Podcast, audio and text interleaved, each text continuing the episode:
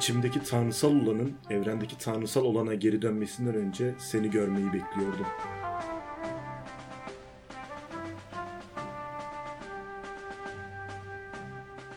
Merhaba, Filozofun Yoluna hoş geldiniz. Ben İlker.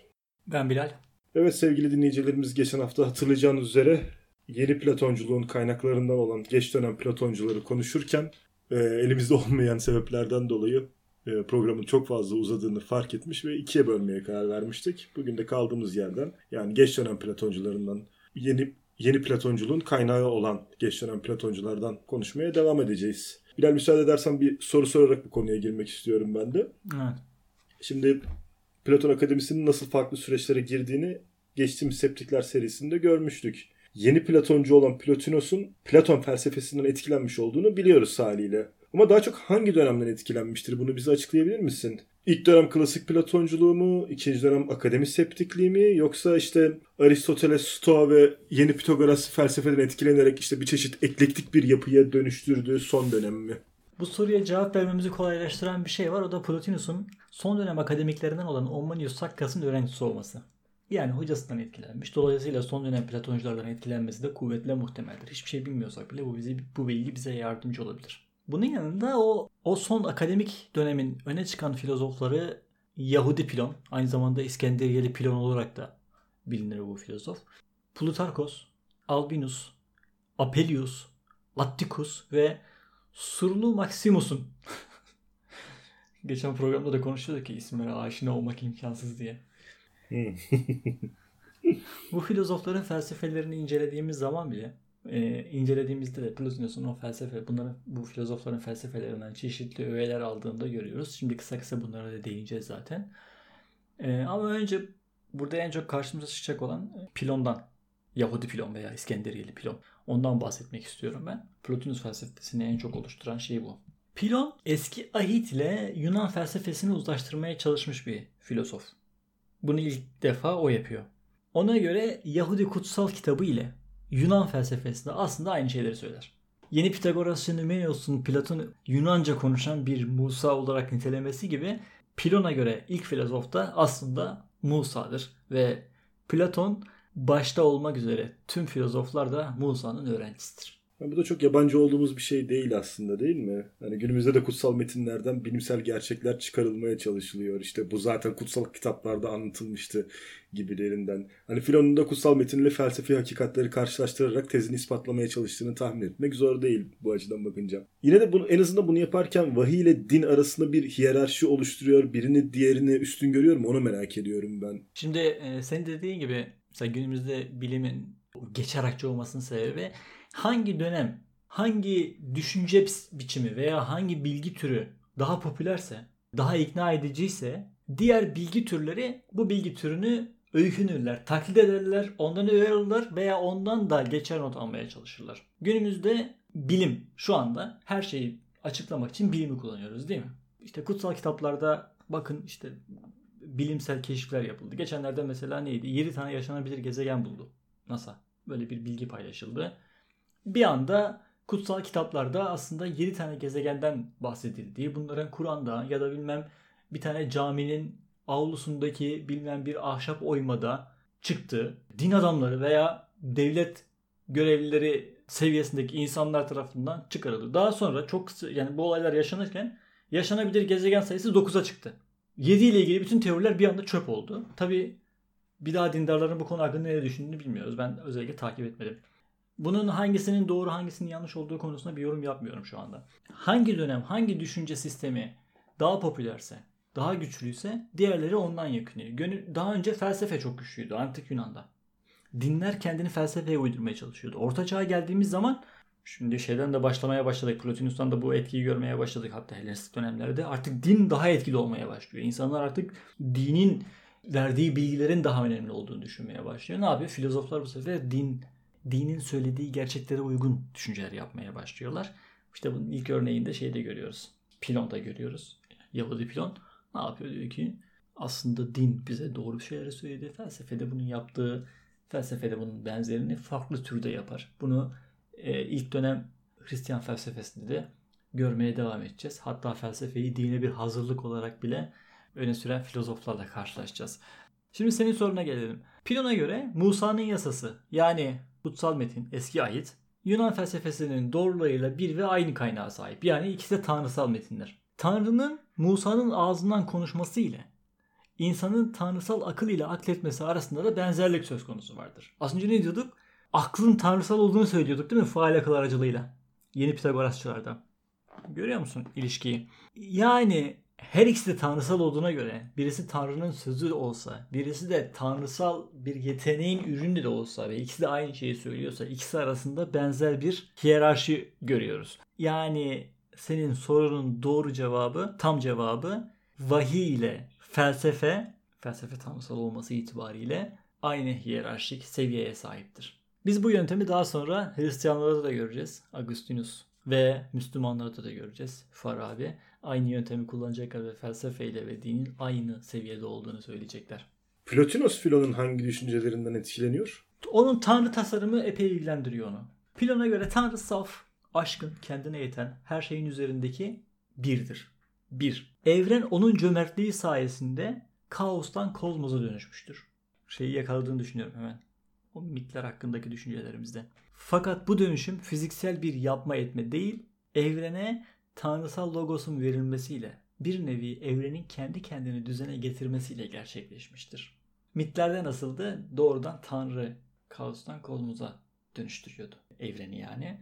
Ama burada artık doğrudan bir etki değil de onun varlığı kaosun içerisinde veya hiçlik diyelim buna. Sadece kaos demeyelim. Bu kaosu biraz ben kendim yazdım açıkçası. O hiçlik, o var olmama durumunu, var olma, düzenli bir var olma durumuna Tanrı'nın varlığı getiriyor. Doğrudan kendisi yapmıyor. Dolaylı bir şekilde bu yapmaya yetmeyi sağlıyor Platon'a göre. Duyusal evrenin aşkın akılsal olan evrenin kopyası olduğu Platon'daki gibi evrenin zaman içinde yaratıldığı ve ebedi, sonsuz olduğunu düşünüyor Platon. Tanrı bir akıldır. Tanrısal akıl ideaların ideasıdır. Yaratılmamış babanın yaratılmış ilk oğludur.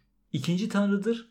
Yaratılışın modeli ve aracısıdır. Yani aşkın evreni birinci tanrı olarak görüyor. Duyusal evreni de ikinci tanrı olarak görüyor. Bu tanrının evrenle ilişkisi nasıldır peki? Mesela Platon'un tanrı evrenle gayet ilgileniyordu. Ama Aristoteles'e baktığımızda evren hakkında bilgi sahibi bile değildi. Hiç ilgilendirmiyordu onu. Sonraki dönemlerde işte Helenist, Helenistiklerde tanrısal inayetin varlığını görmeye başlamıştık. Filon'un eski ahiti benimsediği anlaşıldığına göre tanrısal inayeti savunacağını düşünebiliriz değil mi? Evet. Yani tanrısal inayet muhtemelen hani ona göre vardır ama nasıl acaba cereyan eder? Evet. Tanrı ile ins- duysal evren yani Tanrı ile evren arasında bir uçurum olduğu aşikar değil mi? Hatta bizim şey onu anlama, kavrama yeteneğimiz yok. Yani akıl aracılığıyla yapıyoruz bunu ama duyularımız ona erişmeyi engelliyor. Ona doğrudan görmeyi vesaire engelliyor. Normal din düşüncesinden bahsediyorum. Yahudilikten bahsediyorum yani. Hatta ne diyor? Biz bazı bazı karmaşık soruları din adamlarına sorduğumuz zaman ne diyorlar? Aklın onu kavramaya yetmiyor. İslam'da cüz'i akıl ve külli akıl anlayışı var değil mi? Cüz'i akıl kavramaya yetmiyor, izin vermiyor yani. Sen bunu bilemezsin. Senin kapasiten bu yani. Peki bu ilişki nasıl gerçekleşecek? Farklı boyutlarda, farklı kategorilerde iki varlık, insan ve tanrı, duygusal evren ve aşkın evren arasındaki ilişki nasıl gerçekleşecek? Burada üçüncü bir kişiye ihtiyaç duyulacak. Bu üçüncü kişiler Yahudiler de melekler, Yunanlılar da daimonlar dedikleri varlıklardı. İslam felsefesine geldiğimiz zaman da Farabi ve İbn Sina ise Tanrı ve duygusal evren arasında yer alan on akıl e, göksel cisimler. Onu bu üçüncü kişi olarak kabul ediyor. Tanrı hakkında aracılar marifetiyle de olsa bilgi edinmek, onun inayetine mazhar olmak veya bir şekilde irtibat halinde olmanın bir amacı var mıdır? Şimdi her şeyden önce onu bileceğiz ki doğru yolda olalım. Bundan sonra da ona benzemeye çalışacağız. Ve en nihayetinde onu görerek mutluluğun zirvesine çıkacağız. Görmek ya da Tanrı tarafından görülmek sırasında insan zihni tam bir sessizlik, sükunet ve huzur içinde bulunacak Tanrı'nın değişmez varlığını temaşa etmekten entelektüel bir sevinç duyulacak. Teoriya. Bu göz kamaştırıcı görme zihinsel olarak gerçekleşecek. Çünkü Tanrı özü itibariyle bilinemezdir. Onun olduğunu biliriz ama ne olduğunu söyleyemeyiz bu düşünceye göre. Bu arada deminden beri Filon'dan bahsediyoruz. Bu görüşler Plotinos'un benimsediği görüşler olsa gerek değil mi? Evet ya tabii karşı kısımlar da var ama program uzamasın diye karşı çıktığı kısımları özellikle ele almıyorum. Bunların benzer bir şekilde ufak tefek değişikliklerle onun felsefesi de korunduğunu da göreceğiz. Sadece Plotinus'taki Tanrı'nın mistik bilgisi ve insanın Tanrı ile mistik birleşmesi, Tanrı'ya pozitif sıfatlar yakıştırılmaması gibi öğretilerinin kaynağı olan filon felsefesine değiniyoruz burada. Ne dedim ben? Tanrı'yı öz itibariyle bilemiyoruz. Onun var olduğunu biliyoruz ama ne olduğunu söyleyemiyoruz. Bu ne demek? Tanrı'ya karşı negatif bir teoloji anlayışı bitmek anlamına geliyor. Yani Tanrı'ya olumlu bir sıfat bilmiyor. Ne olmadığını söylüyoruz değil mi? Şu anda da İslam'da da nasıl? Doğrudan e, olmadığı yani iki farklı düşünceyi savunanlar da var. Tanrı ne değildir. Bildiğimiz hiçbir şeye benzemez mesela. Haliyle onu tanımlayamıyoruz anlamına geliyor bu cümle. Ona istediğin kadar değişik sıfatlar yükle aynı şeye geliyor. Bunların hep kaynağının plan olduğunu görüyoruz. Bunun dışında bir de e, Plutarkos var. Plutarkos'un ruhun iki parçadan oluştuğu, iki parçadan iyi olanın bize dışarıdan veya yukarıdan gelen bir varlık olduğu yani tanrısal olduğu ve bu varlığın akıl, nous olduğu görüşü söz konusu ve bu da Platonist tarafından benimseniyor. Ruhumuzun bize ait olan parçası ölümlüyken nous ölümsüzdür. Tanrı, akıl ve ruh işlemesi geçen programda da söylemiştik ya bunlar Hristiyanlıkta da korunan şeyler diye. İzmirli Albinus ve Apelius da karşımıza çıkıyor. Evren akılın, nous, Tanrı'nın düşüncelerini düşünmesi sonucu meydana gelmiştir. Artık bu Tanrı da Platon'un idealarını ve Aristoteles'in kendi kendine düşünen Tanrısı bir araya gelmiştir iyice. O Platon ve Aristoteles felsefesini uzlaştırmaya çalışan filozofların ürünü ve İslam felsefesinde de bolca kullanılan argümanlardan olacak. Aynı zamanda Albinus'un evrenin zamanında yaratılmamış olduğu düşüncesi de yine Plotinus'ta kendine yer bulacak bir düşünce olarak karşımıza çıkacak. Bir de burada artık iyice eklektik yapıya bürünmüş olan son dönem Platonculuğun çeşitli öğelerinin de kullanıldığını ve seçilmeye başlandığını görüyoruz değil mi? Evet mesela Maximus. Stoacılarda gördüğümüz bu iyinin varlığının zorunlu olduğu görüşü ve şairlerin efsaneleri yani mitler. Bu e, Homeros ve Hesiodos'ta görmüştük. Bu mitlerle filozofların düşüncelerinin düşünceler arasında kurulan benzerlikler. Filon gibi yani. Onların aynı gerçekliği belirtmesi gibi çeşitli yorumlardan da etkileniyor Plotinus.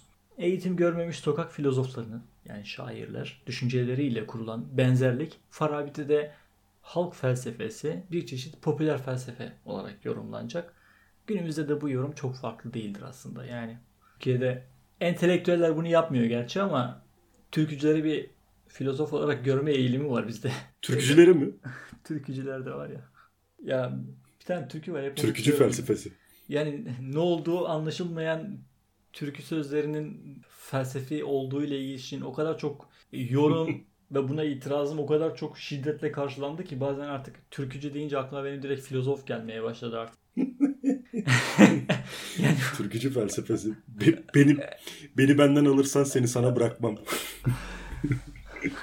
ya ismini unuttum bak şimdi tam da programda. Ya aşık, şey, aşık bir şey acaba? diyeceğim de neydi? Ya galiba e, ne demeye ne demeye çalıştığını zannedersem anlıyorum. Bu bazı çıkan dergilerde falan hep eski ozanların veya da eski arabesk şarkıcıların şarkı sözleri kapaktan kendine yer buluyor. Hatta kapaklarında illüstrasyon olan bazı işte edebiyat ya da edebiyat soslu dergiler falan okumuyorum ama en azından şeylerde e, tezgahlarda falan görüyorum. Galiba anlıyorum ne demek istediğini. Bu arada yani konu, konuyu değiştirelim istersen. Konuyu türkücülerden çıkarıp burada e, Plotinus'un hocası Aminus Sakas'a getirmek istiyorum. Ondan hiç bahsetmedik çünkü evet. türkücülerden bahsettiğimiz ee, kadar. Aminus Sakas. Hayatında bundan bu ayrıntıya çok değinmedim. Burada değinmek istiyorum. Plotinus İskenderiye'de felsefe eğitimine başlayınca birçok kişiden ders alıyor oradaki filozoflardan ama hiçbirinde aradığını bulamıyor ne arıyorsa. Daha sonra Sakkas'ın bir dersine katılıyor ve aradığım adamı buldum diyor. Sakkas'ın yanında 11 yıl boyunca kalmış, eğitim görmüş. Onun ezoterik düşüncelerinden etkilenmiş. Hatta o kadar etkilenmiş ki bu düşüncelerin kaynağı olan İranlı ve Hintli düşünür, düşünürlerle tanışmak için doğuya düzenlenen seferlere katılmış. Hayatı tehlikeye girmiş hatta canı zor kurtarmış. Bunun dışında da maalesef doğrudan Sakkas'ın kendisi hakkında çok bilgimiz yok çünkü eseri yok arkasında olan şeyler de ondan olduğu aktarılan bilgiler de kendi döneminin yani son dönem Platoncu filozoflarından çok farklı orijinal şeyler olmadığını görüyoruz. Neyinden etkilenmiş Plotinus bilmiyoruz açıkçası. Sadece bu ezoterik bilgilerle ilgili bir ilişki kurulabiliyor. Ezoterik bilgi demişken e, bir de geçen programda bahsettiğimiz kaynaklardan biri de Gnostikler ve Hristiyanlıktı. Plotinus felsefesinin dini kaynakları veya Plotinus'un din eleştirilerini de ele alalım. Konuya da bir açıklık getirelim. Çünkü dinle epey ilgili bir felsefe sisteminden bahsediyoruz. İki programdır dönemin dini hareketlerinden bahsediyoruz. Bunları incelediğimizde de Gnostikler ve Hristiyanların en etkili dini akımlar olduğunu görüyoruz. Ama önce gnostiklik hakkında bilgi vereyim. Ezoterik din ne demektir? Bu konu hakkında genel bir kültür sahibi de olabiliriz bu sayede. Ezoterik ezoterik deyince gizil, saklı deyince ne anlama geldiğini bilmemiz lazım. Çünkü özellikle yine ilk çağ Hristiyan felsefesi boyunca da bu kavramla sıkça karşılaşıyoruz. Gnostiklik İsa'dan sonra 1. yüzyılda Suriye'de ortaya çıkmış. Daha sonra da bütün Doğu Akdeniz dünyasına ve Roma'ya yayılmış olan yarı dinsel, yarı felsefi bir düşünce hareketidir. İçinde farklı tezler ve mezhepler taşısalar da genel olarak çeşitli gizil yani ezoterik bilgilerin gnosis Yunanca karşılığı var olduğu ve bu bilginin insanları kurtuluşa erdirdiği düşüncesini benimserler. Bu gnostiklerde tanrı veya baba olarak bilinen aşkın bir en yüce varlık var. Altında da kadın ve erkek olarak sıralanmış sayısız tinsel varlığın buna aeonlar deniyor. Bu varlıkların olduğu sıra dışı bir metafizik anlayışı var aynı zamanda. Bunlar Tanrı'nın bilinemez varlığın tezahürleridir Gnostiklere göre ve pleroma diye adlandırılan tanrısal varlıklar dünyasını oluşturuyorlar. Bilgelik, Sofya veya Logos adındaki Aeon aşkın Tanrı'yı bilmek istemiş. Ve bu arzusu yarı tanrısal ancak bilgisiz olan Demiurgos'u ortaya çıkarmış. Tanrısal evreni taklit etmek isteyen Demiurgos da bu dünyayı yaratmış ve bilgisizliği sebebiyle de kendini var olan tek tanrı zannetmiş. İşte duyusal dünya onun bu şuursuzluğun eseridir. Bu nedenle de kötüdür. Dünyayı ve içinde bulunan insanları kurtaracak olan bir diğer Aeon da İsa Mesih'tir. Gnostiklerin mitsel inancı bu. Bunun arkasında herhangi bir rasyonel düşünce yatmıyor. Mesela Demiurgos falan diyoruz. Yunan felsefesinden nasıl etkilendiğini, Platon'dan nasıl etkilendiğini veya Yunan mitlerinden nasıl etkilendiğini görüyoruz. Bu gnostik evrende insan kendine yabancı ve düşman bir dünyadadır. Ruh burada ampirik deneyime yönelik bir bilinçtir sadece. Akıl veya tin, spirit ise tanrısal dünyaya yönelik olan bilincidir. Gnosis, bilgi ya da irfan insanı insan aklını doğanın yani bu dünyanın yasasının dışına çıkaracak ve gerçek benliğine yani tanrısal evrene ulaştıracaktır. Bu ne felsefi ne de dini bilgidir. Bu kendilerine özel bir çağrı, bir tür sezgi biçiminde almış oldukları kozmos üstü bir vahidir. Yani ezoterik din deyince bu dine mensup olanlar veya bu inanışa veya bu görüşe dahil olanlar bu insanın kurtuluşunun nasıl gerçekleştiğinin bilgisine sahip olan insanlardır. Bu bilgi sayesinde de kurtuluşa erecektir. Mesela İslam'ı ele alalım. İslam'ı ezoterik bir bilgi, din olduğunu varsayalım. Öyle değil. Ezoterik bir din olduğunu varsayalım. Bu Müslümanlar bir bilgiye sahipler. Cennete nasıl gideceklerini biliyorlar. Buna inanıyorlar. Öldükten sonra da cennete gidecekler. Bu tanrısı, Tanrı olan ilişkileri sayesinde bir çeşit sezgisel veya vahiysel bir bilgiyi sahibiler. Bunlar gizli bilgiler. Diğerleri tarafından bilinmez. Böyle bir tasarım var egzoterik dinlerin. Platonos'un kendisi katılıyor mu peki bu düşüncelere? Yani bu mitsel düşünceleri, bu metafiziği, tüm bu epistemolojik anlayışı benimsiyor mu ve felsefesine katıyor mu? Hayır. Bunları reddediyor kesinlikle. Onların düşüncesinin yani bu din, gnostiklerin düşüncesinin deyim yerindeyse aksini savunarak felsefesini tanıtlıyor. Yani onları çürüterek kendi felsefesini ön plana çıkartıyor. Platon vahiy aldığı ya da esrarlı bir ilhama dayandığı için değil, sürmüş olduğu yüksek ahlaki hayat ve akılcı yöntemi sayesinde bilgi olarak değerlendirilebilir Plotinus'a göre. Onun geleneğiyle akıl çatışmaz. Zaten akılcıdır. Gnostikler gibi akıl dışı, sahtekar değildir. Evet, onun felsefesiyle Gnostiklerin bazı düşünceleri örtüşür ama bunun nedeni Gnostiklerin Platon felsefesini taklit etmiş olmalarıdır şeye göre, Plotinus'a göre. Nerede örtüşür peki? Nedir bu benzerlikler? Mesela varlığın en üstünde bir tanrı bulunması düşüncesi. Duyusal dünya ile tinsel dünya arasında kategorik ayrım yapılması idealarla. duygusal dünyanın tinsel dünyanın taklidi olması, ruh ve aklın ayrılması ve Tanrı'nın bilgisine mistik bir sezgiyle ulaşılması düşünceleri konusunda örtüşür. Ama Plotinus'un savunduğu gibi bunların Platon'un etkilenmesi de pek olasıdır. Tabi Gnostikler de bu böyle suçlanacağını elbette biliyorlar ama onlar da şöyle diyorlar. Diyorlar ki bizim kaynaklarımız, Gnostiklerin kaynakları Platon'dan öncesine dayanıyor. Yani aslında Platon bizden esinlenmiştir diyerek itiraz ediyorlar onlar da. Anladım. Peki buradan müsaadenle konuyu Hristiyanlığa getirmek istiyorum. E, Plotinus'un yaşadığı dönemde Hristiyanlık epey güç kazanmıştı ve bayağı halk tarafından giderek kabul edilen bir inanç haline gelmişti. Henüz Roma İmparatorluğu'nun resmi dini haline gelmemişti yanlış hatırlamıyorsam o dönem ama yani inananları herhangi bir inanç grubundan, herhangi bir kültten daha fazlaydı e, tek tek grupla, gruplandıracak olursak. Yani Plotinus'un da o dönemde Roma ve İskenderiye'de Hristiyan din adamları ve düşünürlerle de ilişkisi olduğunu düşünmek şaşırtıcı olmayacaktır. Dolayısıyla onlardan da etkilendiğini varsayabilir miyiz? Ya evet ilişkisi var kesinlikle din adamlarıyla veya Hristiyan düşünürleriyle ama kitaplarında Hristiyanlıkla ilgili yorum ve eleştirileri yok. Deminden beri bahsettiğimiz etkiler de yani doğrudan Hristiyanlıktan alınan şeyler değiller. Hani Pilon'a falan dayanan eserler. Kendisi her ne kadar Hristiyanlıkla ilgili bir şey yazmadıysa da Hristiyanlığa çeşitli eleştiriler, yorumlar getirmediyse de öğrencisi Porfirios'a Hristiyanlıkla ilgili yazması konusunda salık veriyor.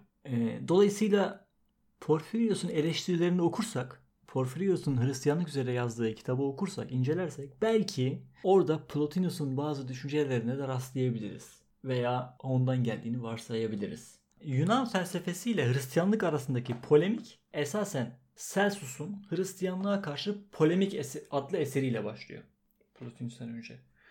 Sonra Porfirios bir eser yazıyor. Plotinus'un teşvikiyle.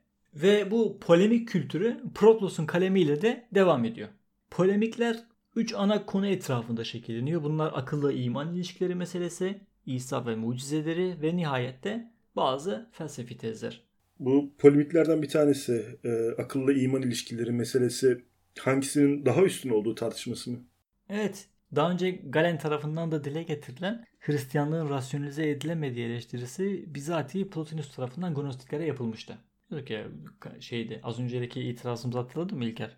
Bu bunun kaynakları hani benzerliklerini ele almıştık. Bunların Platon'un rasyonel bir şekilde ele aldığını fakat Gnostiklerin bunları vahiy gibi ele aldığından bahsetmiştik. Galen de Hristiyanlara aynı şeyi, aynı suçlamayı yapıyor.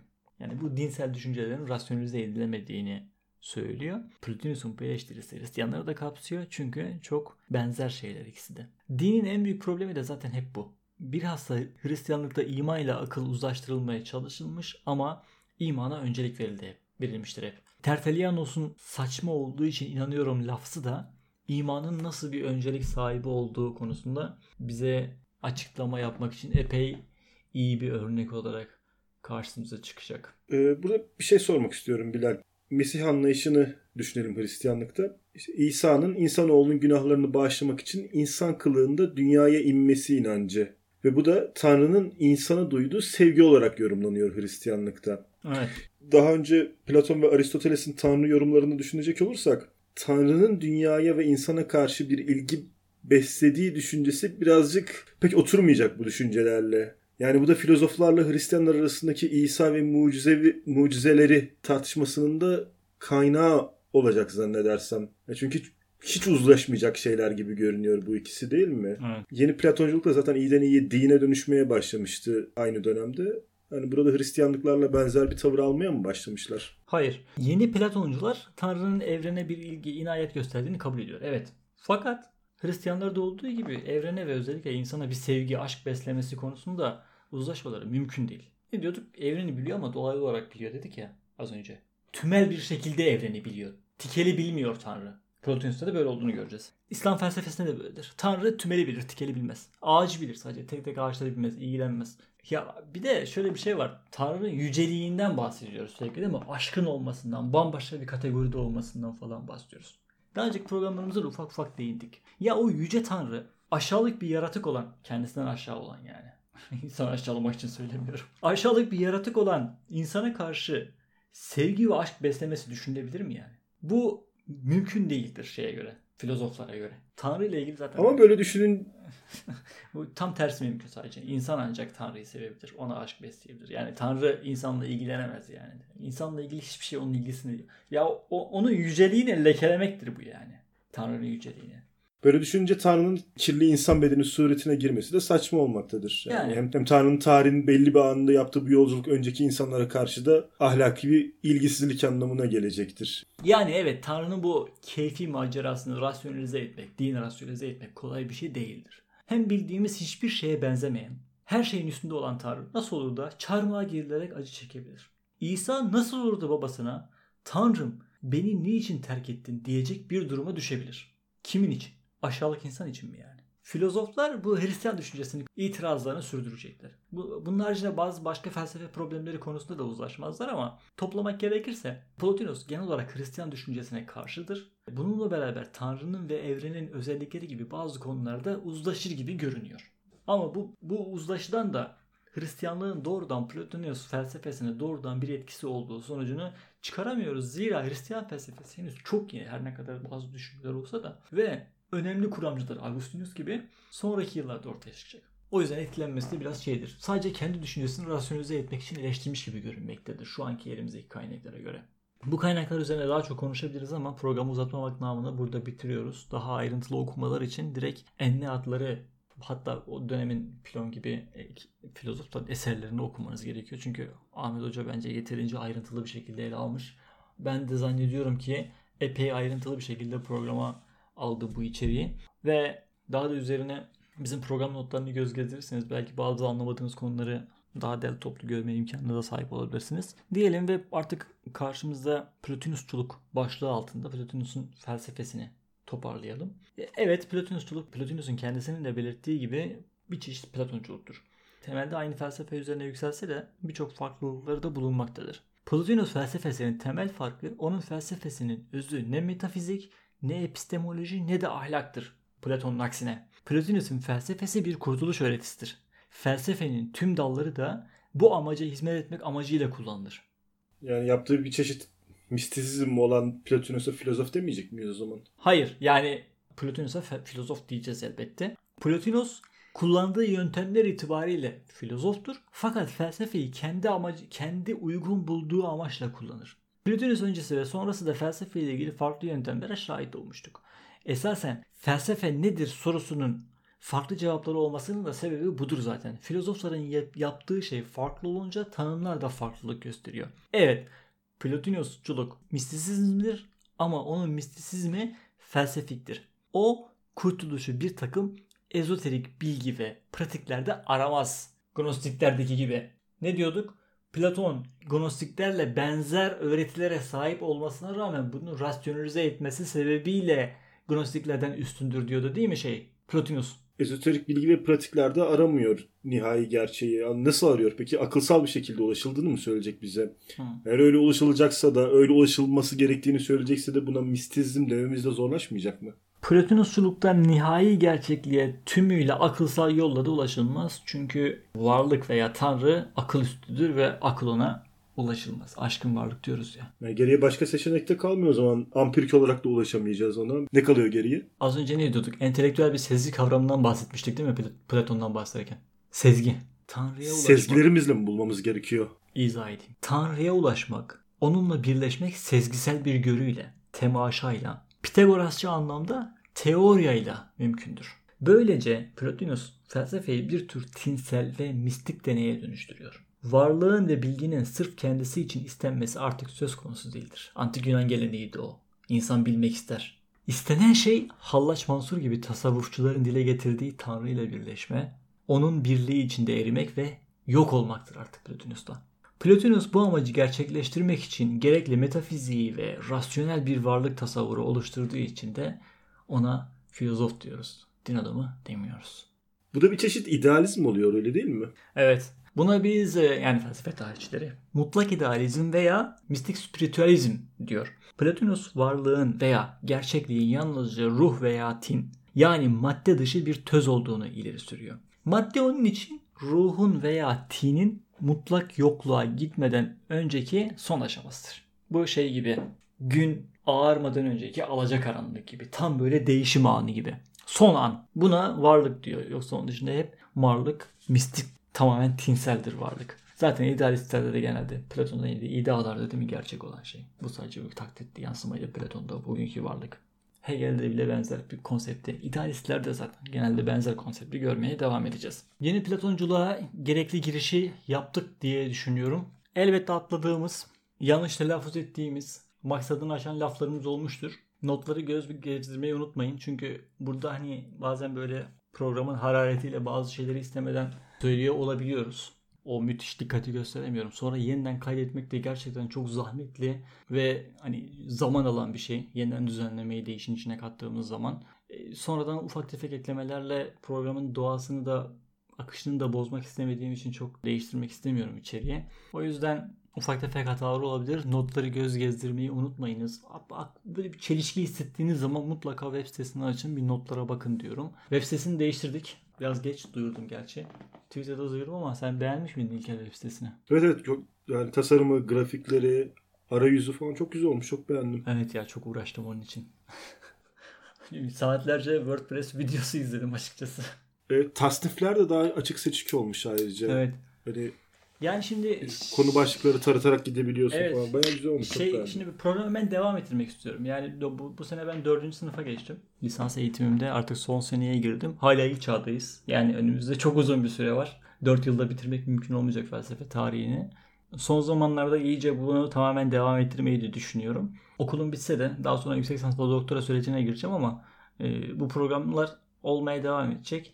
Artık eski ilk baştaki blog tarzındaki web sayfası yeterli değildi. Dinleyicilerde de web sayfasındaki içeriğe ulaşma veya içeriği tüketme ile ilgili bazı şeyler yani şikayetler veya öneriler alıyordum. Web sayfasını şey yapayım dedim. Dinleyici desteğiyle yaptırayım dedim profesyonellere ama hem masraflı hem de öyle bir dinleyicimiz çıkmadı. Ben de ne yapayım bari kendim öğreneyim yapayım dedim. Biraz zahmetli oldu. Uğraştım epey uğraştım açıkçası. ama öğrendik. Öğrenmek güzeldir yani. Daha sonra başka işler için de yine bu bilgileri kullanacağız elbette. Hmm, web sayfasını daha sık kullanabilirsiniz. Biraz daha genişleteceğim içeriği. Yani daha da kullanılabilir hale getireceğim. Yavaş yavaş eski içerikleri de şey yapmayı düşünüyorum. Bir daha elden geçirmeyi düşünüyorum. Daha okunabilir hale gelmesini düşünüyorum. Çünkü eskiden sadece ufak tefek notlar paylaşıyordum ama içeriği biraz daha zenginleştireceğim. Yani sadece web sayfasına giren biri bile sadece okuyarak bile bir şeyler öğrensin istiyorum. Ama tabii dinlemek öncelikli kesinlikle. Web sayfasında kendi player'i falan da gayet güzel oldu. Tavsiye ediyorum. Web sayfası ile ilgili bu kendimi övme şeyini bölümünü atlıyorum ve tekrar programa programın kapanışına dönüyorum. Bundan sonraki programımıza Plotinus'un felsefesiyle ilgilenmeye başlayacağız. Metafiziğiyle başlayacağız ve onun e, metafizik kavramlarını konuşmaya başlayacağız. Dediğim gibi bu önemli bir filozof. Bunu iyi anlamaya çalışın, notlarını okuyun. Anlamadıysanız tekrar tekrar dinleyin. En azından iki defa yani. Web sayfasında yorum yapın. Mail atın, soru sorun. YouTube'da da yazabilirsiniz. E, sosyal medyayı da kullanın, soru sorun. Şey de yapmaya başladık. Geçenlerde bir tane yaptık henüz gerçi de. Twitch'te oyun yayınları yapmaya başladım. Belirli bir konuya ilişkin bir oyun buluyorum. Sonra o oyun mesela geçenlerde Everything adlı oyun oynadık. Evren olma simülasyonuydu oyun. Panteist bir panteizm üzerine konuşuruz diye düşünmüştüm. 2-3 kişi katıldı. Eğlenceli bir program geçti. Felsefe konuşurken oyun oynamak çok zordu gerçi ama yine de en azından biz birkaç kişi e, eğlenmiş olduk. Ve bizim Twitter sayfamızı takip ederseniz bu duyuruları hangi günler oyun oynayacağımızı muhtemelen cuma akşamları olacak ama her cuma olmayacak. Oyunları da satın almam gerekiyor. Bir liste yaptım. Bakalım. İlerleyen dönemlerde duyururuz tekrar yeniden şeyleri. Twitch yayınlarını. Hala bitiremedik. Outro mu deniyordu bu kapanışa? İlker de yor, yoruldu artık. Tepki de vermiyor İlker şeye. Yeter artık bitir şey Altı üstü bay bay diyeceğim. Yok o Twitch yayınını düşünüyordum. Ben yoktum ya. Acaba ne yaptınız onu merak ediyordum. Ben onu düşünüyordum. yani 15 gün falan galiba şey yapıyor. Kalıyor. Web sayfasında Twitch, Twitch kanalımın şeyini koymamıştım. Bak onu da koyayım. İyi aklıma geldi. Oradan bakarsınız en azından eski videoları izlersiniz. Oradan chatleri de görebiliyorsunuz. Yani aynı akışta ee, şey yapılabilir. En azından eski yayınlara bir göz gezdirebilirsiniz. İlginizi çeken konular ama çok uzun kalmıyor. İki hafta kalıyor yayında onlar. O yüzden bakmanız lazım. Diyorum ve artık bitiriyorum. Bir sonraki programlarda Plotinus'un felsefesine ilgilenmeye başlıyoruz artık. Umarım çok uzun sürmez ara verirsek. Kendinize iyi bakın esen kalın diyorum. Hoşçakalın.